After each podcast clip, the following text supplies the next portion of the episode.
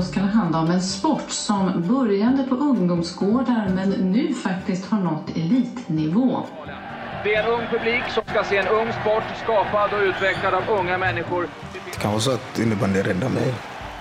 Du lyssnar på Från ribbstolar till Globen, en podcast från svensk innebandy.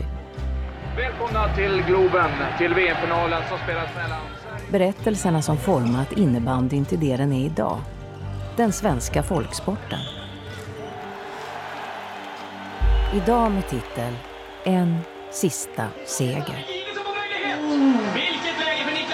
Om svensk innebandys största stjärna genom tiderna. Niklas Gide. Han var ju den största fixstjärnan för vår sport.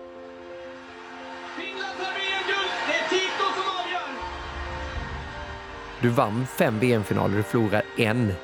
Kom igen, du kan ju inte sitta och vara, vara sur för en match.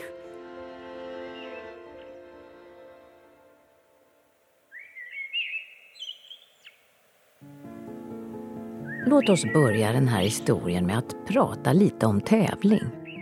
Eller mer specifikt, om att vinna tävlingar. För även om vi inte tänker på det så omger vi oss av vinster och förluster varje dag. Det kan vara racet till en nyöppnad kassa på ICA, jakten på drömjobbet eller pingistävlingen på kontoret. Alla dessa minimala vinster och förluster som kantar vardagen. Men sen finns det de som går över till extremen, som gör tävlandet till en del av livet. De som bygger broar till nya oupptäckta marker i jakten på nästa seger. Så som jag ser en vinnarskalle så är ju det någon som gör allt för att eh, göra sitt allra bästa oavsett vilken situation man är i. Vinnarskallar. Vad gör de annorlunda än oss andra? Vad är det som gör segern i sig så viktig att de ständigt söker upp nästa utmaning? Sofia Andersson jobbar som psykolog med inriktning mot just idrott och lagsport. Och hon har hanterat en hel del vinnare i sitt värv. Alltså oavsett om det är en match, alltså en final, en VM-final eller om det är en övning på en träning, eh, så gör man allt. Och även liksom att man har satt upp ett mål för sig själv och, och att man har en plan för hur man ska ta sig dit.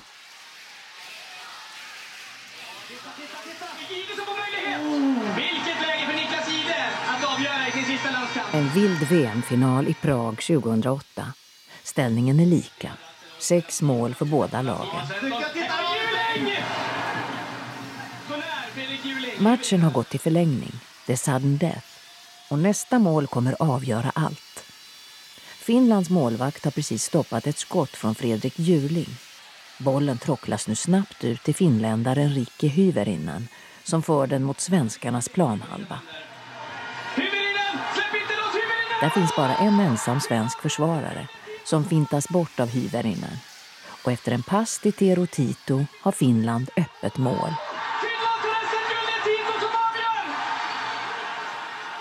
De blå tröjorna bildar en klunga och jublar tillsammans med den tillresta publiken på läktarna.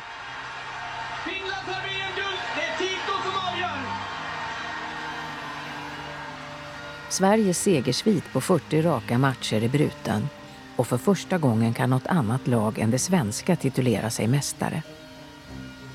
Bland de besvikna spelarna på planen finns Niklas Gide. Han har inte bara förlorat sin första match och sitt första världsmästerskap. Han har precis spelat sin sista landskamp. Låt oss backa bandet lite.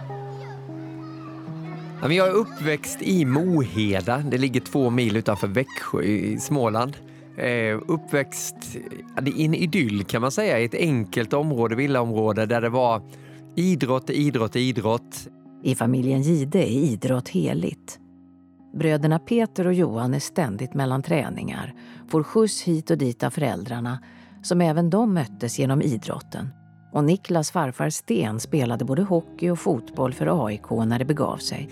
Man, man andades sport på det sättet och det var bollar och det var racketar och klubba och sådana här bitar. Så man växte upp i en miljö som formade en till en idrottsman helt enkelt. Året är 1992 och Niklas är 16 år gammal. Han sitter i pojkrummet i Växjö och funderar. De dagliga tennispassen på tre fyra timmar känns bara tyngre och tyngre. Som barn ingick han i storsatsningen Team Mats Wilander och i takt med att allvaret ökat har leken och lagkänslan blivit allt mer avlägsen. Niklas Lust lika så. Han är klar med tennisen. Då hade min äldre bror Johan Eh, börjat spela innebandy och eh, spelade i en klubb som heter eh, Hofsaga. Först var de i något som heter Högstorp som var en kompisklubb. Bara killar i samma ålder som hade startat upp den här klubben själva. Då. Och då blev det att ja, men jag testar också innebandy. Jag hänger med bara för att jag kan ha någonting att göra på kvällarna. Och pang bom så var det bara wow, vilken kärlek till den här sporten. Det var hur kul som helst och det gick ju väldigt bra. Klubban sitter som gjuten i handen och bollen viner genom luften. Niklas har äntligen hittat sin väg och han vet vart den ska leda honom. Jag ville bli bäst i det som jag lägger ner min energi på. Tittar jag tillbaka i alla mina böcker som man har skrivit och sånt och när man pratar med sina föräldrar så var det ju alltid det om du ville bli fotbollsproffs, du ville bli hockeyproffs, eh, tennisstjärna. Så det är hela tiden det jag har drömt om. Jag har ju aldrig haft en tanke på att jag ska bli någonting annat, eh, civilingenjör eller datatekniker eller något sånt, utan det har bara varit inom idrotten hela tiden. 1994 spelar han och den lokala klubben Hovsaga IBF i den svenska innebandyns absoluta finrum. Niklas, som inte gått ut gymnasiet än, har skapat ett eko i den växande sporten och de mer etablerade klubbarna börjar snabbt inse att något särskilt är på väg att hända i Småland. Snabbast på luren är storsatsande Pixbo Wallenstam som erbjuder honom ett lyft i både seriesystem och karriär. Något en ung, segerviss Niklas inte tackar nej till. Mitt första intryck av Niklas Ide var ju i, i klubblaget där han värvades som ung spelare till eh, Pixbo Wallenstam. En spelare som man ganska tydligt såg att det här kommer att, att bli någonting eh, av honom. Men flytten 1995 blir inte så enkel. Han får inte spela särskilt mycket och det storsatsande laget åker ut i slutspelet. Bland de besvikna i klubbledningen finns Kristina Landgren. Sen kämpade han ju vissa perioder med att liksom, han, han var bra, han hade talangen. Men han hade nog inte riktigt bestämt sig för hur bra jag vill bli. Landgren är delaktig när Pixbo gör en omorganisering. De tar fram ett nytt spelsätt där en ung teknisk smålänning passar perfekt in. Jag spelade avigt eh, och använde mina tenniskunskaper på innebandyn också, att man kunde spela volleypassningar till mig och vi lirade ju innebandy på ett sätt som Alltså nu, det låter ju pretentiöst att sitta här och säga, men jag tror inte några andra har lirat på det sättet som vi gjorde då. Det var mycket volleypassningar och pass bakom ryggen och väldigt mycket bollinnehav. Det skulle inte funka nu såklart, det förstår jag också, men där och då så var det ju banbrytande. Säsongerna 96-97 och 97-98 spelar Pixbo seriens bästa innebandy. Men de vinner inte de betydande matcherna. Och det var nästan lite svidande synd att vi inte vann tidigare därför då tror jag att Pixbo hade tagit väldigt, väldigt många SM-guld i följd. Den unika spelstilen ger Niklas en skjuts mot hans personliga genombrott. Han kniper en plats i den svenska VM-truppen som reser till Tjeckien. Till ett världsmästerskap som består av en spridd skara nationer, främst från norra Europa. Niklas spelar bra, men i ett lag som består av halvtidsproffs och med ett motstånd som knappt kan reglerna är det inte svårt att sticka ut. Världsmästerskapet har inte riktigt utvecklats till någon ordentlig tävling än. Sverige vinner nämligen varenda match. Och visst, Niklas njuter av att kunna kalla sig landslagsspelare. Men det är i den svenska högsta serien, då kallad elitserien, som det verkliga motståndet finns. Det är där segern faktiskt betyder något. Och det är där Niklas nu tar klivet ut i rampljuset. Niklas slår poängrekord och prisas som årets spelare. Allt med en teknik och spelstil som innebandyvärlden aldrig tidigare skådat. Elitserien har fått sin första riktiga stjärnspelare och Niklas lever sin dröm. Ja, men det var väl det här att jag ville visa någonting hela tiden. Eh, jag ville göra häftiga saker ute på banan. Eh, dels då för att jag visste att publiken, många kom dit för att de, de ville se eh, en göra någonting. Ja, men det är kul, han skjuter backhand knacka och det är en av de profilerna som, som kanske är ett namn i innebandyn för det var ju inte så jättemånga som stack ut då i den här lilla idrotten som innebandyn var. Så att jag la rätt mycket press på mig själv där till att göra saker hela tiden. Jag ville inte bara vara den där som jobbar stenhårt nere i sarghörnet utan jag, jag, jag ville bjuda på någonting extra hela tiden. Och något extra bjuder han på. På Sportnyheterna rullar hans mål i repris match efter match och publiksiffran fortsätter stiga. Men Pixbo, laget som år efter år toppar tabellen efter seriens slut, har fortfarande aldrig tagit sig hela vägen till ett SM-guld. När jag har tävlat på hög nivå, jag var ju inte alls bäst när det gällde under många, många år. Jag vann ju poängligan i elitserien innebandy jättemånga år och utsedd till årets spelare, men när den där finalen kom så var ju inte jag bäst just den dagen. År 2000 får Niklas återigen en plats i VM-truppen.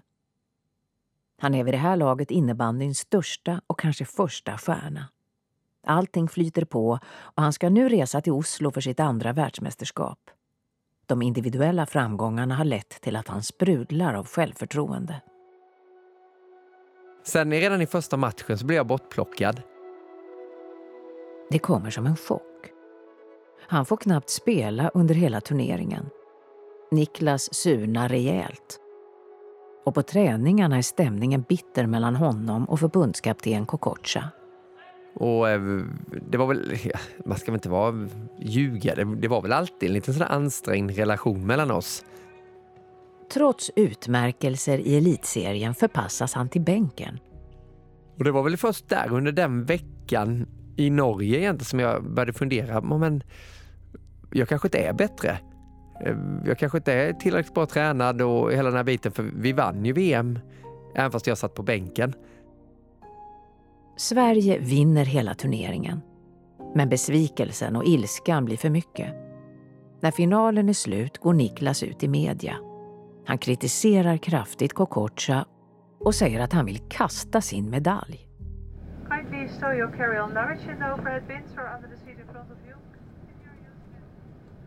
Guldlaget sitter på flyget hem, trötta efter en hård turnering och en del firande. Utspridda över flygbussen sitter de tyst var för sig och läser om finalsegern i tidningen. Niklas tar själv upp en sportbilaga och börjar bläddra. Det första han slås av är sitt eget ansikte. Förvirrande, tycker han. Han som knappt fått spela. Men under hans porträtt står ordet pausfågel. Och skammen sköljer över honom.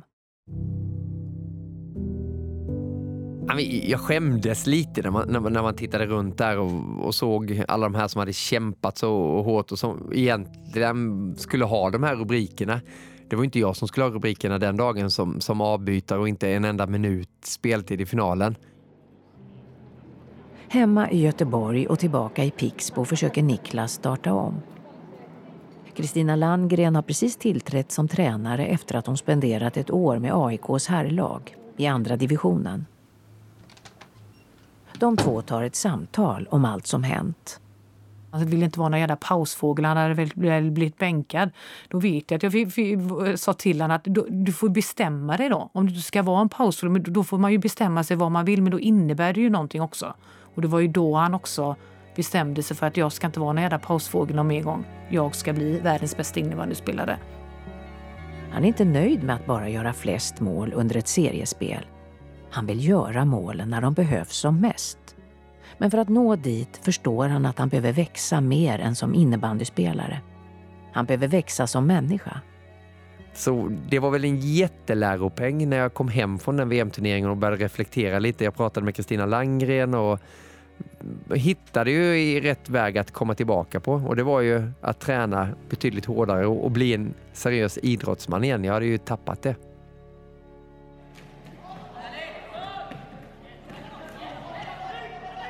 Niklas spel har sakta börjat genomgå en förändring. Han jobbar hårdare för sina lagkamrater, öppnar ytor och håller tillbaka showandet. Han vill tillbaka in i landslaget och vet att hans soloräder inte kommer ta honom dit. Till slut gör han slag i saken och ringer själv upp förbundskaptenen Peter Kokocha för att be om ursäkt. Han gjorde ju rätt. Vi vann guld. Jag skulle ju sitta på bänken och tittar man efter nu i backspegeln här så var det det som drev min karriär och kanske tog mig upp till en ny höjd som jag inte hade nått tidigare. Pixbo kommer bara fyra i grundserien men har lyckats spara krutet till slutspel.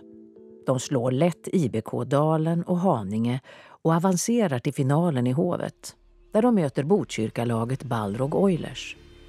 Läktarna mullrar när spiken räknar upp spelarna som en efter en tar sig in under strålkastarljuset på mittplan.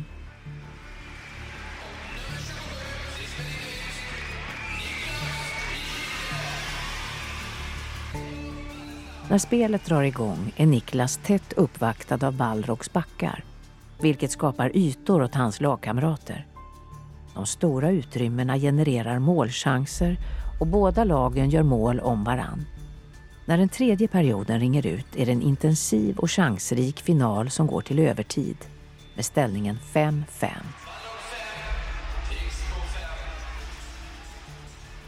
Förlängningen blir därför slitsam.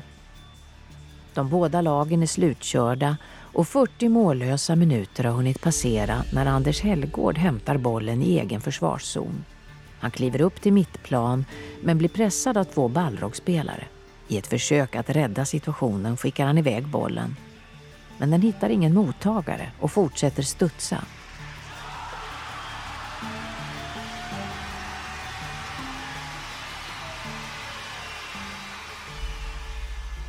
Ingen tror sina ögon. Den ligger där, i mål. Pixbospelarna reser försiktigt armarna och börjar långsamt springa ner för att omfamna Helgård medan de sneglar ner mot domarens gest. Det är mål. Nu är det ingen tvekan. Det är mål.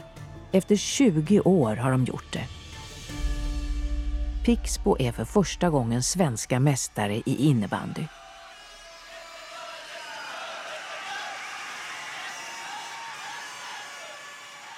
Ett blött firande tar hela Pixbos organisation till en restaurang i mitten av Stockholms nattliv. I restaurangen lutar sig Niklas nöjt tillbaka. Han har äntligen vunnit världens tuffaste titel. Men i vimlet börjar Niklas tankar att vandra. Vad är nästa steg? 2002 reser han med landslaget till VM-turneringen i Finland. Med återvunnet förtroende vinner de sin tredje raka titel. Samtidigt verkar han vinna allt i Pixbo. Men att ständigt springa i nedförsbackar är inte Niklas grej. Och efter en andra titel i Pixbo inser han att något måste hända. Mitt i allt det här får han ett samtal det är ledningen för innebandyklubben Grasshoppers i Zürich. De står inför en storsatsning och vill göra Niklas till utlandsproffs. Därefter går allting fort. De pratar igenom kontraktsdetaljerna och Niklas kan knappt tro på att lönen de erbjuder är på riktigt. Han tackar direkt ja. På flygplatsen blir han upphämtad av klubbens delegater. För pressen blir han introducerad som innebandyns Ronaldo och för första gången får han bära kaptensbindeln. Han blir behandlad som en riktig internationell stjärna. Inledningsvis går det trögt för Niklas, men han kommer igång igen efter ett par matcher. I slutet av hans första säsong i Schweiz vinner han både skytte och poängligan. Problemet är att laget inte når upp till hans nivå. I omklädningsrummet pratas tyska, italienska, franska och spanska och tre träningstillfällen i veckan bryter inte några språkbarriärer. Niklas med sin småländskt klingande engelska känner inte att lagandan är densamma som i Pixbo eller i landslaget. VM 2004 är hans sista under förbundskapten Kokocha. Spelartruppen når inte samma nivå som tidigare och Sveriges insats i den första gruppspelsmatchen mot Tjeckien sågas i pressen. Niklas stämmer själv in och kallar matchen den sämsta landskampen han spelat. Niklas spelar trots det sin bästa turnering hittills. Han toppar poängligan och Sverige avancerar till final. En retur mot just Tjeckien. När den första perioden är slut leder Sverige med 3-0.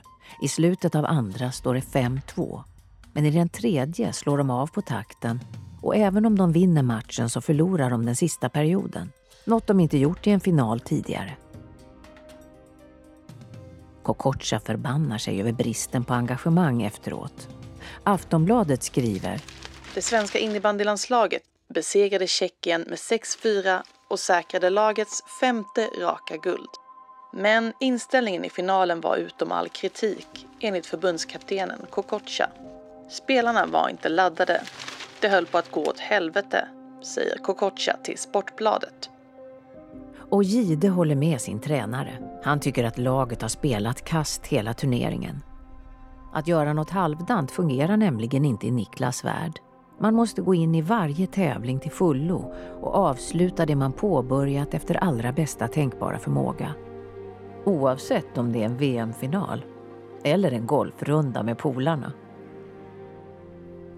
Något som Niklas bror Peter blev varse en varm sommardag. Vi hade eh, något som heter Ryder Cup eh, där vi spelade golftävling. Samlades tre dagar och umgicks, käkade och spelade jättemycket golf. Peter då, som är äldst hade sina kompisar. Johan och jag som är mellanbröderna eh, hade våra kompisar och så mötte vi varandra. Och så blev det någon prestigematch där i avslutningen att jag ställdes mot Peter och hans kompis. Och i golf, när man lägger ett slag nära koppen så kan man säga att ah, men du får den där putten, du behöver inte putta i den. Men det gjorde inte jag för eh, det stod och vägde och vi var nästan på sista hålet. Och gav inte den här putten till Peters kompis som missade den för att han var så nervös och så han missade den här putten. Och, ja, men jag har väl alltid varit rätt sådär taktisk i, i min eh, bedömning ändå att ja, men, vilka möjligheter finns det? Hur vinner vi den här matchen och vilka vägar ska man ta då för att lyckas välta den andra? Det är ju en mental kamp också. Och eh, när jag inte gav den där putten så var det ju helt enkelt det där att jag ville testa den där killens nerv. Hur, hur bra är han när det är bäst när det gäller? Tillbaka i Zürich ångar Niklas på. Han vinner poängligan igen, men klubben faller trots det utanför pallplats ännu en gång. Efter två år i Grasshoppers beskrivs han fortfarande som en spännande stjärna av lokala medier vilket i Niklas öron börjar låta mer och mer som ett PR-trick för schweizisk innebandy än ett allvarligt försök till att bli bäst.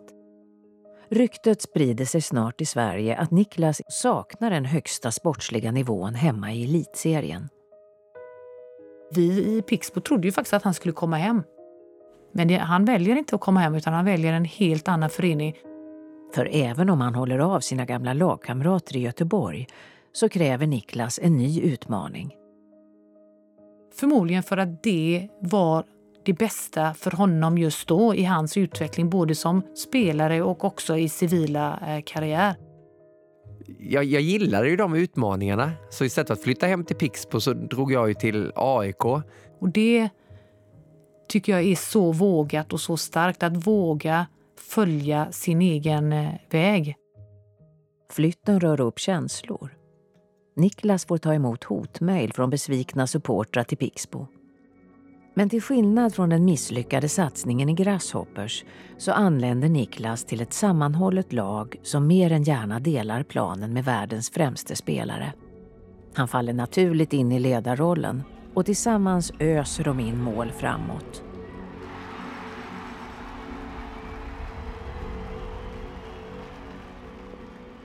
De lyckas med nöd och näppe kvalificera sig till slutspel. Niklas och de andra anfallarna gör väl ifrån sig. Men i defensiven knakar det. De lyckas ändå slå Storvreta innan de ställs mot Varberg. De tar sig till final och motståndet är mer än bekant för Niklas. Pixbo. Buropen skär genom publiksorlet när Niklas äntrar Globens mittcirkel i finalen. På andra sidan planen står hans gamla vapendragare. Men han visar ingen nåd. Pixbo är inget annat än motståndare.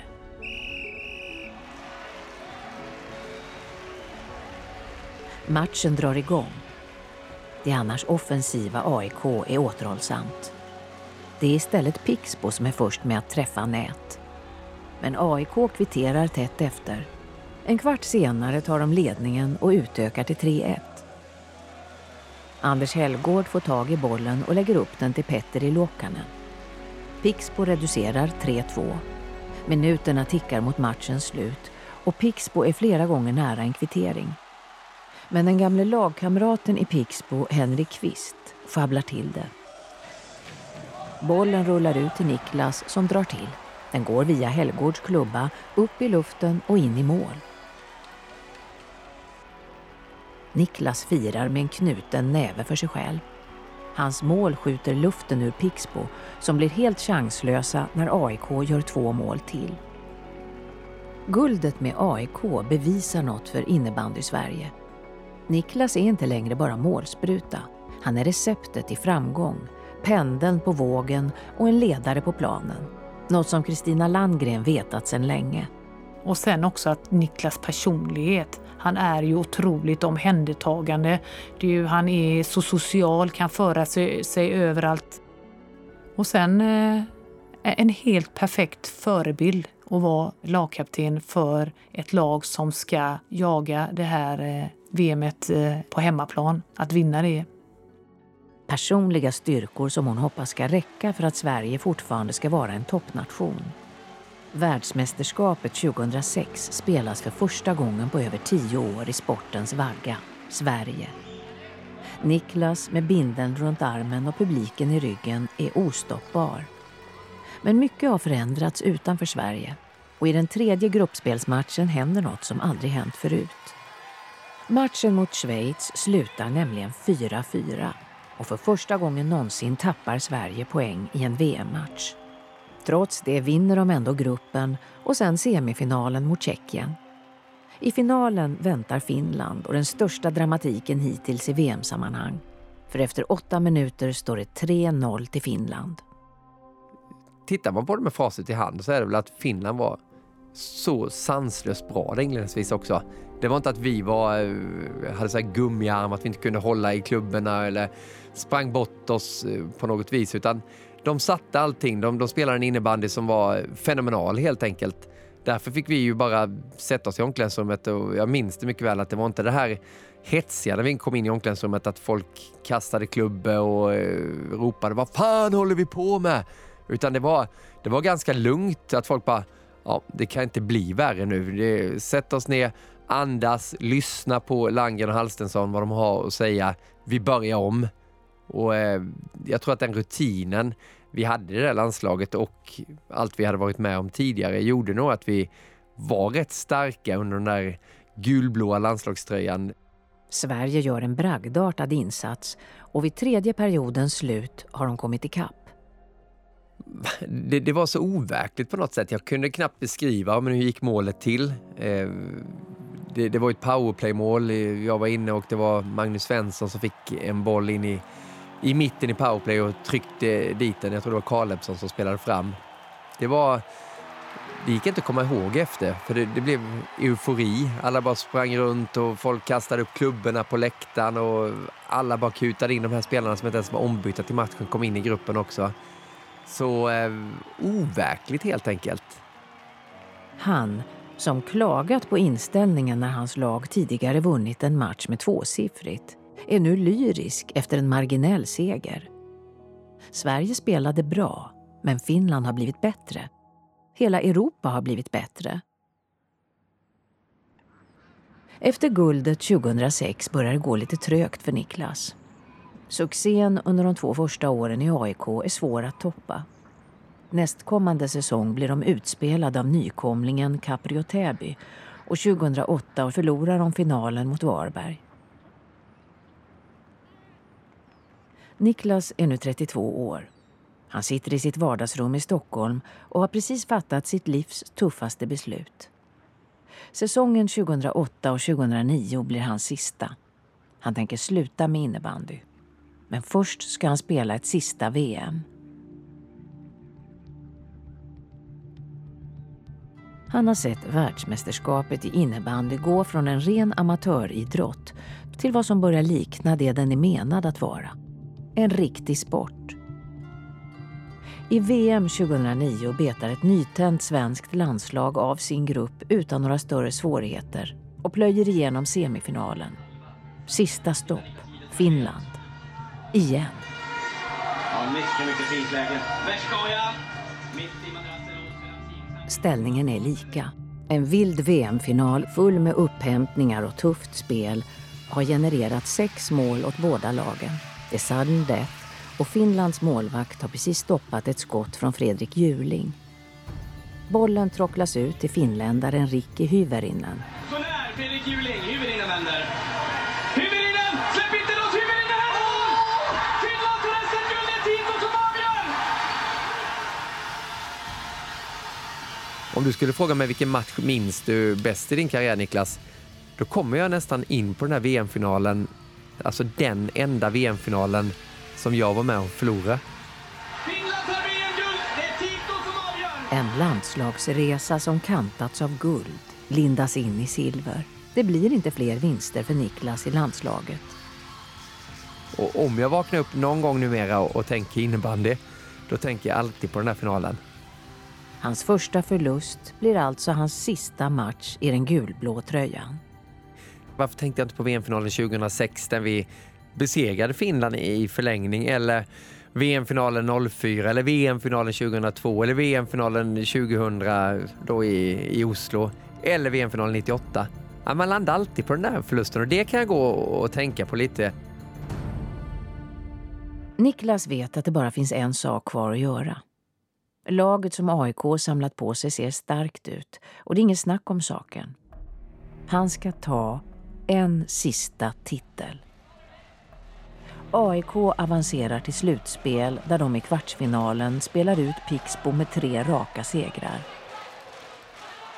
I semin möter de Storvreta. AIK vinner två matcher men förlorar en.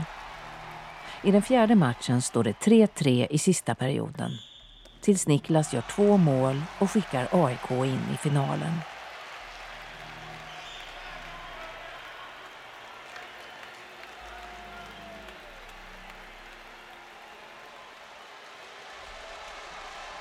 Han är i den absoluta sluttampen av sin spelarkarriär men spelar sitt livs innebandy. Han gör mål och assist, precis som under Pixbo-tiden. Men han driver också laget framåt. Han pushar och dirigerar sina medspelare, instruerar de yngre och håller igång lagmaskineriet. Nu står bara en sak i vägen för att han ska avsluta allt på rätt sätt. Antagonisten Varberg och 60 minuter innebandy. Svettpärlorna rinner från hans panna. Han gör matchens första mål, men efter två perioder är ställningen lika och allt är öppet. AIK gör 3-2 och 4-2, men Varberg hänger i. Varbergsspelarna omringar AIKs målbur som hungriga hajar.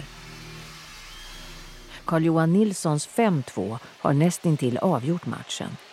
Men Niklas är ändå nere och försvarar när Varberg ger allt i ett sista anfall. Ett skott. Bollen landar hos Niklas. Sista tio sekunderna ska bli ytterligare mål. Nu har Jihde läget! Jihde lägger bollen! Bollen med de 26 hålen seglar genom luften och når sin kulmen vid tre meters höjd innan den börjar falla igen.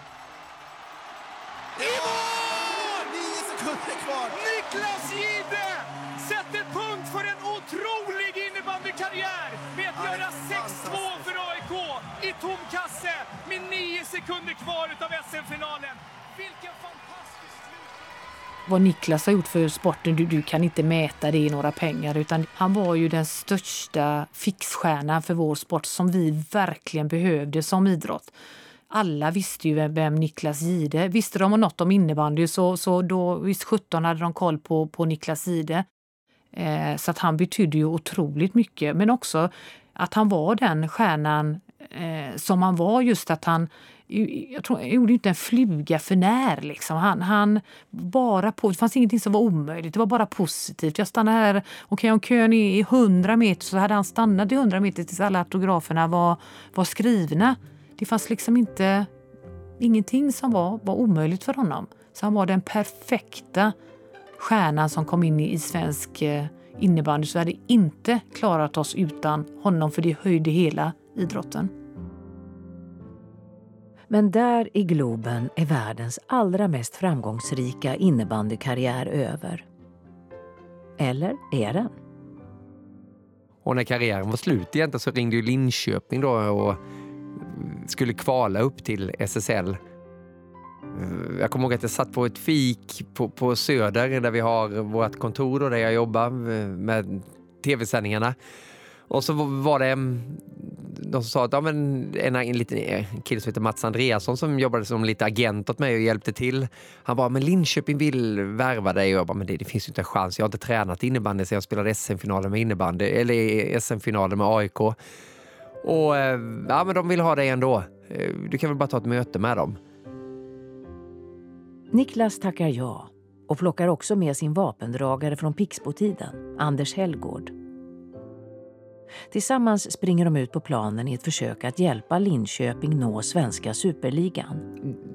Om man ska ta hela historien så var det att jag, hade, jag missade några matcher i det kvalet för att jag hade hockeysändningar så jag kunde inte vara med på alla.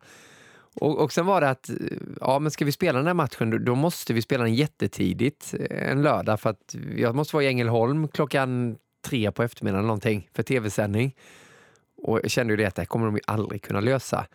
Men på något sätt så skruvade de ihop de förutsättningarna så att eh, de ändrade matchen till klockan 11 på, på förmiddagen och satte publikrekord. Folk fick vända. De kunde inte ens ta in alla för att det var så många som ville se den här matchen.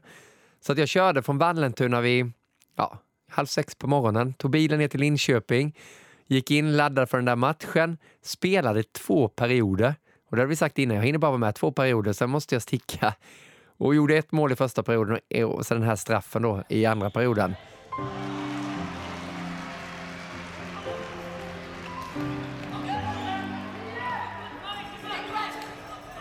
Niklas sätter straffen som är avgörande för Linköpings avancemang till superligan. Därefter skyndar han ut i omklädningsrummet, duschar snabbt och byter om till kostym innan han beger sig ut till Linköpings flygplats.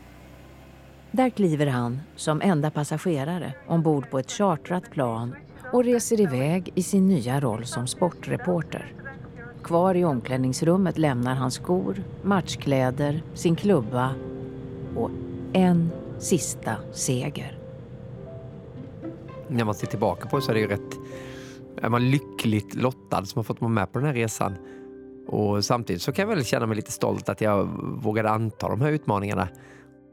Så innebandyn har ju format mig som människa. Jag har ju innebandyn att tacka för precis allting. Jag har innebandyn att tacka för att jag har världens roligaste yrke nu som sportjournalist. Jag har innebandyn att tacka för så många vänner som jag har fått under den här tiden, under den här resans gång. Så jag skulle ju inte skriva om min innebandyresa ett enda kapitel. Varenda sida skulle vara som det har varit och, och som det blev.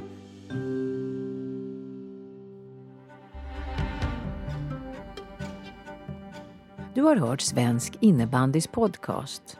Från ribbstolar till Globen. Om svensk innebandys största stjärna genom tiderna, Niklas Gide. Medverkade gjorde Niklas Gide, Kristina Landgren och Sofia Andersson. Det här var en produktion av Post och Ljudbang. Jag heter Marie Rickardsson.